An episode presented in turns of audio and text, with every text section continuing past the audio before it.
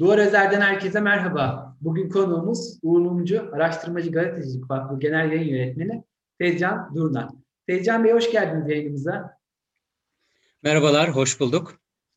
E, gazetecilik alanına ilişkin e, hem eğitim hem de yayıncılık alanında UMAK çok önemli katkılar vermeye yıllardır devam ediyor. E, UMAK Yayın Evi'nin sosyal medya e, paylaşımlarına baktığımda özellikle okurlar tarafından e, Uğur Mumcu'nun yıllar önce kaleme aldığı eserlerine yoğun ilgi gösterildiğini e, görüyorum. E, Mumcu'nun eserlerine yönelik bu bugün de devam eden bu ilgiyi siz nasıl e, değerlendiriyorsunuz, nasıl tarif ediyorsunuz? Geçmişten geleceğe böyle kuvvetli bir sesini işitmeye hala biz devam ediyoruz.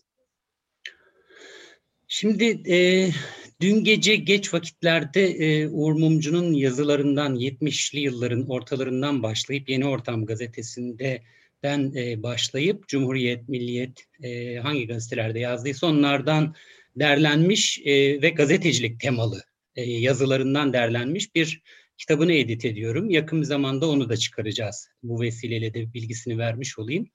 Orada Uğur Mumcu e, günümüzdeki gazeteciyi tarif ederken gazetecilik e, aslında devletin içerisindeki bir takım çıkar ilişkilerinin e, kimlere kadar gittiğini ve bu çıkar ilişkilerinin hangi ideolojik e, takım değerlerle, takım din, iman, millet, e, milliyetçilik vesaire filan gibi şeylerle nasıl örtüldüğünü e, açığa çıkarmaya çalışır, açığa çıkarır. Ve bunu da bir takım devletin içerisindeki bir takım çıkar odakları e, bu çıkarılan gerçekleri, bu takım çıkar, çıkar ilişkilerini de e, bu tür şeylerle işte millilik, yerlilik vesaire filan gibi şeylerle üstünü örtmeye çalışır der. Yani bu aslında gazeteciyle siyasi iktidarın, siyasi iktidarların mücadelesi yıllardan beri devam ediyor. Aslında Uğur Mumcu'nun 70'li yıllarda tarif ettiği şeyleri e, gazeteciye ve gazeteciliğe dair tarif ettiği şeyleri e, günümüzde o kadar çok birebir örtüşüyor ki tarif ettiği şeyler bu e, e, tarifler. E, ve güncelliğini hala maalesef devam ettiriyor. Ve bence Uğur Mumcu'nun gazeteciye dair tanımları, yaptığı işler, e, sorgulaması vesaire filan günümüzde ciddi şekilde sıkıntı içerisinde olan e, gazetecilik mesleğinin yeniden hatırlanmasını e, ve yeniden gündeme gelmesini e, söz konusu etti. Ve bu yüzden de hala Uğur Mumcu'nun söylediği şeyler, yaptığı gazetecilik e, güncelliğini koruduğu için de ve şimdi çok daha fazla ihtiyaç duyulduğu için de e, ilgi duyuluyor diye düşünüyorum. E, ve bu ilgiye e, mazhar olduğu için de biz e, bunu mümkün olduğu kadar geniş kitlelere Uğur Mumcu Araştırmacı Gazetecilik Vakfı olarak e, ve yayın evi olarak e, duyurmaya, geniş kitlelere duyurmaya çalışıyoruz. Uğur Mumcu'nun eserlerinin yanı sıra iletişim alanına dair de çok önemli güncel eserler katmaya devam ediyor yayın evi. okurlarla buluşturuyor. aşkın halleri, video aktivizmde, aktivizmde kavramlar, sorunlar, uygulamalar e, sayısal eşitsizlikler ve gazeteciliğin geleceği gibi yakın dönemde okurlarla buluşan eserler ilk aklıma gelenler.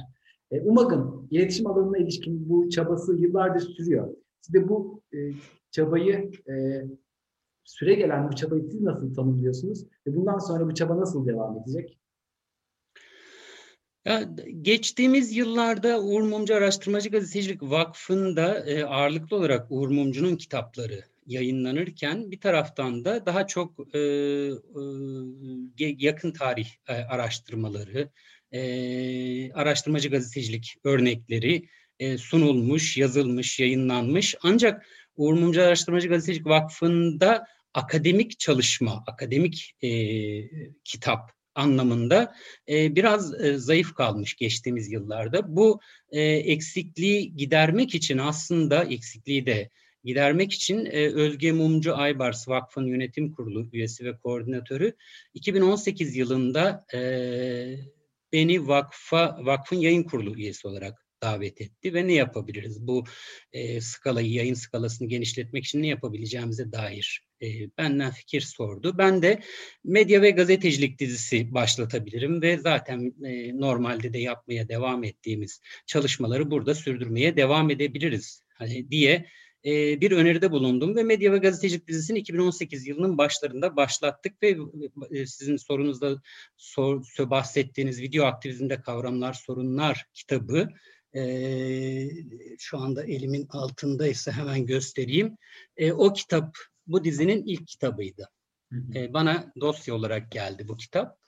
E, ondan sonra ben 2018'in Temmuz ayında e, mevcut var olan yayın yönetmeni e, görevden ayrılınca beni yayın yönetmeni olarak, genel yayın yönetmeni olarak davet etti bu defa Özge Mumcu. O süreçle birlikte bu medya ve gazetecilik dizisini daha, daha fazla ivme e, kazandırdık. Ve yaklaşık iki buçuk yıl içerisinde e, şu anda dokuz kitap oldu bu diziden. Yani aslında hiç fena bir şey değil. Dizinin son kitapları şunlar. Bu kitap mesela çok ilgi gördü. Bu kitap satışta değil, e, proje, yürüttüğümüz bir projenin çıktısı olarak e, sivil toplum kuruluşları için hak temelli gazetecilik kılavuzu e, acayip ilgi e, gördü bu kitap. Bu kitaba e, yakın bir zamanda lansmanını yapacağımız bir gazetecilik okulu e, eğitim modülümüzde e, ücretsiz olarak erişilebilir. Gene bu kitapta yakın bir zamanda çıkardığımız bir kitap. Bu kitap bu, bu kitap ve iletişim hakkı ve yeni medya şu kitap e, Alternatif Bilişim Derneği e, tarafından düzenlediğimiz Yeni Medya Kongreleri dizisinin e, seçkileridir. Oralara gelen bildirilerin nitelikli bildirilerin yani ve bu bağlama uyan bildirilerin seçkileridir. Bu kitaplarımız gerçekten çok ilgi gördü ve akademik camia da biraz e, iletişim camiası da, iletişim akademisi de nin de ilgisini çekmeye başladı. Ve bununla ilgili e, şu ana kadar e, vakıf e, telif e, kitap hiç yayınlamamıştı. Geçtiğimiz aylarda e, iletişim fakültelerinde yıllardır makaleleri okutulan, e, adını söylemeyeyim şimdi sürpriz olsun, e, bir yazarın e, kitabının telifini aldık yakın bir zamanda gazetecilik başlıklı bir kitabın. E, neden önemli gazetecilik e, kitabı, şey gazetecilik mesleği diye. O da yakın zamanda e, çevirisini yapıp e, bu diziden e, yayınlar arasına katacağız. Yine korona e, döneminde medya ve yeni medya e, başlıklı bir kitabımız yakın zamanda yolda. Biz çalışmaya e, ve üretmeye devam ediyoruz. E, ve hakikaten bunu aynı zamanda da şunun altını ısra şey özellikle çizmek istiyorum. E, vakıf vakfın e, yayın evinin neredeyse e, tek tabanca olarak yürütmeye çalışıyorum. E, bir e, tasarımcımız var. E, kapakların tasarımını Tuğçe Vidinler diye bir arkadaşımız yapıyor. E, iç tasarımını Uğur Saçı diye bir arkadaşımız yapıyor ama bunun, bu arkadaşlar hep part time çalışan arkadaşlar. Da, daimi çalışan tek ben varım. Vakfın yeri geldiği zaman sabahlara kadar veyahut da mesai mefhumu olmaksızın her türlü entelektüel e, işlerini yürütürken bir taraftan da depoya inip e, siparişleri de e, paketleyen bir yayın yönetmeni olarak çalışmaya devam ediyorum. E, sürprizi e, sorarak büyüsünü kaçırmak istemedim. E, ama yakın bir dönemde sanırım e, haberdar olacağız. E, bu, evet bu yıl içinde çıkacak bu kitapta, bahsettiğim kitapta. Hı hı. Ee, Ankara Üniversitesi İletişim Fakültesi'nde e, benim de hocamdınız. Buradan izleyenlere de bunu ifade etmem gerekiyor. Yıllardır akademisyen kimliğinizle gazetecilik, yayıncılık alanına katkılar yaptınız. Katkılarınız hala devam ettiniz, devam ediyor. Kolileyerek ya da işte sabahlara kadar çalışarak bir şekilde ifade ettiğiniz çaba sürüyor. Bu dönemde sizin birçok deneyiminiz var. Gazetecilik, akademisyenlik, bu alana genel bir bakış anlamında. Ee, son dönemde gazeteciliğin geçmişte olmadığı kadar sıkışmışlık içerisinde olduğuna dönük değerlendirmeler de var. Siz buna katılıyor musunuz? Yakın dönemde bu alana dair özgün bir bakış açısı, bir yol kat edilebilir mi? Neler yapılmalı? Ee, evet ben e, uzun yıllar Ankara Üniversitesi İletişim Fakültesi Gazetecilik bölümünde öğretim üyeliği yaptım. 2017'de e, ihraç edildikten sonra akademisyenliğin yanı sıra pek çok meslek de öğrenmeye çalıştım. Yayın yönetmenliği ve editörlük de bunların arasında. aynı zamanda da gazete yazı editörlüğü de yapmaya devam ediyorum. raporlarda yayınlamaya çalışıyoruz. Aslında gazetecilik mesleğinin Türkiye'de sadece kriz içerisinde olduğunu e, olduğu bir e, dönem yaşıyoruz ama bu sadece Türkiye'ye özgü bir e, Türkiye'de yaşanan bir kriz değil. Aslında küresel anlamda da dünyada da e, ciddi kriz içerisinde gazetecilik. Konvansiyonel gazetecilik dediğimiz gazetecilik gazeteciliği ayakta tutan şey aslında yıllardan beri reklam ve reklam verenler idi. Yani gazete gazeteler bir anlamda okuyucusunun ilgisini reklam verenlere bir anlamda satarak ayakta duruyorlardı. Ve bu büyük ölçüde sosyal ağlar, e, işte internet platformları, web yayıncılığı, işte internet gazeteciliği gibi bir takım e, şeyler, yani olanaklar devreye girdiği zamandan beri e, büyük ölçüde konvansiyonel gazetecilik şeyini yitirdi, kazanç ağını yitirdi. Bir, bir takım raporlara göre 2008'den bu yana yaklaşık yüzde 40 ila 60 e, oranında reklam ve gelir kaybı yaşadığını, sadece Türkiye'de değil Amerika'da hani ciddi reklam kaybı e, yaşadığını e, söylüyor raporlar. Bu zaten yeterince medya sektörüne, haber medyası sektörüne ciddi bir darbe vurmuş durumdaydı. Yani haber dediğimiz şey aslında ciddi pahalı bir şey. Haber yapmak için seyahat etmeniz gerekir. Zamandan zamanı kullan, iyi kullanmanız gerekir. İyi bir eğitiminiz olması gerekir. Ee, gerçekten e, hani geniş bir zamanda e, iyi bir haber hikayesi yazabilmeniz için geniş bir zamanda düşüne düşüne yazmanız gerekir. Biz son zamanlarda e, şey yapıyoruz, e, gazeteciler platformu diye bir e, platform, gazete platformu kurduk. Uğur Mumcu Araştırmacı Gazetecilik Vakfı olarak bir projenin gene çıktısı olarak, İsveç Büyükelçiliği'nin desteklediği bir proje olarak. Oraya e, telif karşılığı haber yayınlıyoruz ve bu haber, yani oradaki yaptığımız şey gündemin kuyruğuna takılarak gündemi yapalım falan gibi bir şey değil. Yerelin sesi olmaya çalışmak için, yerel gazetecilere destek olmak için. Gerçekten elimize pek çok haber geldi o sırada. Haber önerisi geldi. 20 habere destek olacaktık ilk aşamada. E, yaklaşık ise 70-80'e yakın haber geldi ve bunların arasından 20'yi zor bulabildik. Yani e, ve gelen haberlerde de ciddi editoryal müdahalelerde bulunduk. Ve pek çok şu anda internet gazeteciliği yapan pek çok platformda bu editoryal müdahalelerin, editoryal çabanın olmadan doğru düzgün Türkçe e, yazılmadan e, devam ettiğini, gazetecilik yapılmaya çalışıldığını, haber konulmaya çalışıldığını görüyoruz.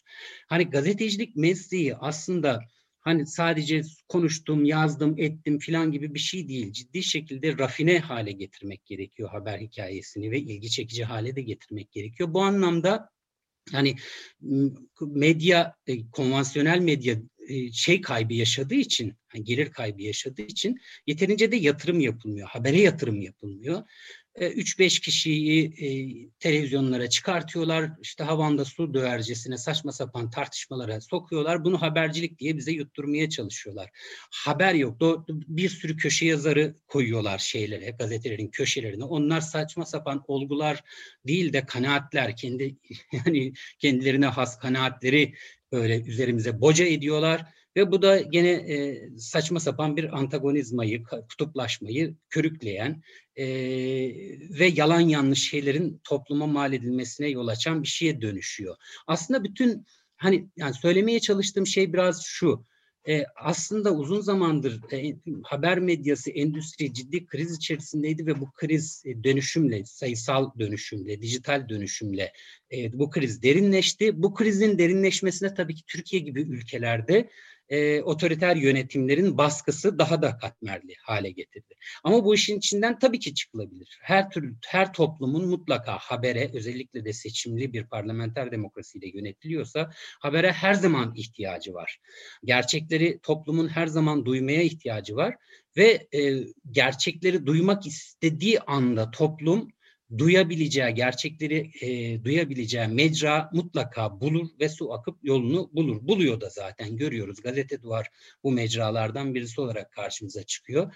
Bir ihtiyaca binaen kuruldu ve bir e, neredeyse ana akımlaşma yoluna doğru ilerliyor. Hani ve bu büyük ölçüde bu toz duman aşıldıktan sonra e, gerçek bir e, şey hani haberciliğin e, halk tarafından, okuyucu tarafından desteklenerek gerçek haberin desteklenerek e, hayatını sürdürmesi mümkün olacak gibi geliyor bana. Umudumuzu yitirmemek gerekiyor.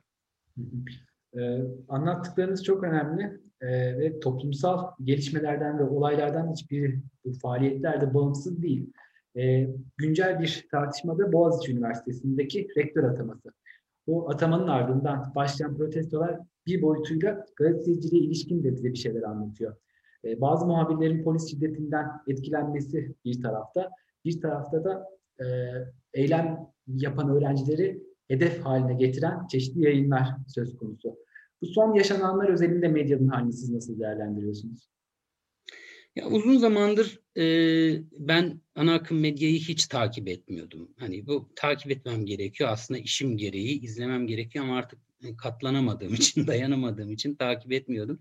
Dün gece Kadıköy'de yapılan bir eylemi e, haberini e, veren NTV'ye gözüm takıldı bir şekilde hani e, uyumaya çalıştığım saatlerde. E, yani NTV haberi tamamen şöyle görmüş. Emniyet Müdürlüğü'nden yapılmış bir basın açıklamasını, basın bülteni gibi neredeyse noktasına virgülüne dokunmadan e, okuyor perforeci, hani haberi okuyan kişi ve arka görüntüde de e, ta, e, e, polis araçlarını tekmeleyen e, şeyler görünüyor. Hani göstericilerin e, videosu akıyor, akmaya devam ediyor. Orada yani bu bu e, şeyin e, ne derler? Şu andaki ana akım medyanın özellikle de e, zamanında iddiayla kurulmuş ve ciddi nitelikte haberler de üretmiş bir NTV diye bir haber kanalının ne hale geldiğinin en önemli göstergelerinden birisi bu. Hani halbuki biz orada ciddi bir orantısız polis şiddetinin de e, göstericilere karşı e, ş, uygulandığını görüyoruz. E, bir de yıllardan beri şöyle bir şey var. Ana akım medyada sadece günümüze özgü bir şey de değil bu. E, bu tür toplumsal gösterilerde e, kanunsuz gösteriye işte polis müdahale etti gibi bir e, hep e, şeyle, perspektifle sunuldu. Hala o daha da derinleşmiş durumda. Aslında kanunsuz diye bir gösteri söz konusu değil aslında. Hani her Türkiye Cumhuriyeti yurttaşının e, herhangi bir yere bildirmeden hak arayışı için herhangi bir yerde gösteri yapabilmesi anayasal hak olarak duruyor karşımızda. Ve bunu hangi hukukçuya sorarsanız sorun bu hakkı hakkın teslim eder ve gazetecilerin çoğu özellikle de e, şu anda hükümete angaja gazetecilerin çoğu bu gerçekliği biliyor olmasına rağmen eğip bükerek haberleri görüyorlar. Bu açıdan baktığımız zaman aslında ana akım medya diye tarif ettiğimiz ve zamanında işte CNN, Türk, NTV, Habertürk vesaire filan gibi kanallar nitelikli haberler, iyi haberler e, yani tabii ki pek çok zamanda sorunları vardı. Bunların da eleştirilecek pek çok yönü vardı ama bu kadar pespayelik e, söz konusu değildi. Şu anda artık hani e, iş e, haber vermenin ötesinde dediğim gibi yani bir basın bülteni herhangi bir kurumun basın bültenini e, okumak gibi bir hale dönüşmüş durumda ve bu yüzden pek çok e, şey aklı selim yurttaş ana akım medyadan bu tür kanallardan haber alınmayacağının haber almanın beyhude olduğunun aslında farkında ve gerçekten e, arayış içerisinde yani e, şey arıyor hani gerçekleri öğrenecek mecralar arıyor ve belki de kendisi e, buluyor bunu işte sosyal ağlardan vesaire. Tabii ki bunun da sıkıntıları var.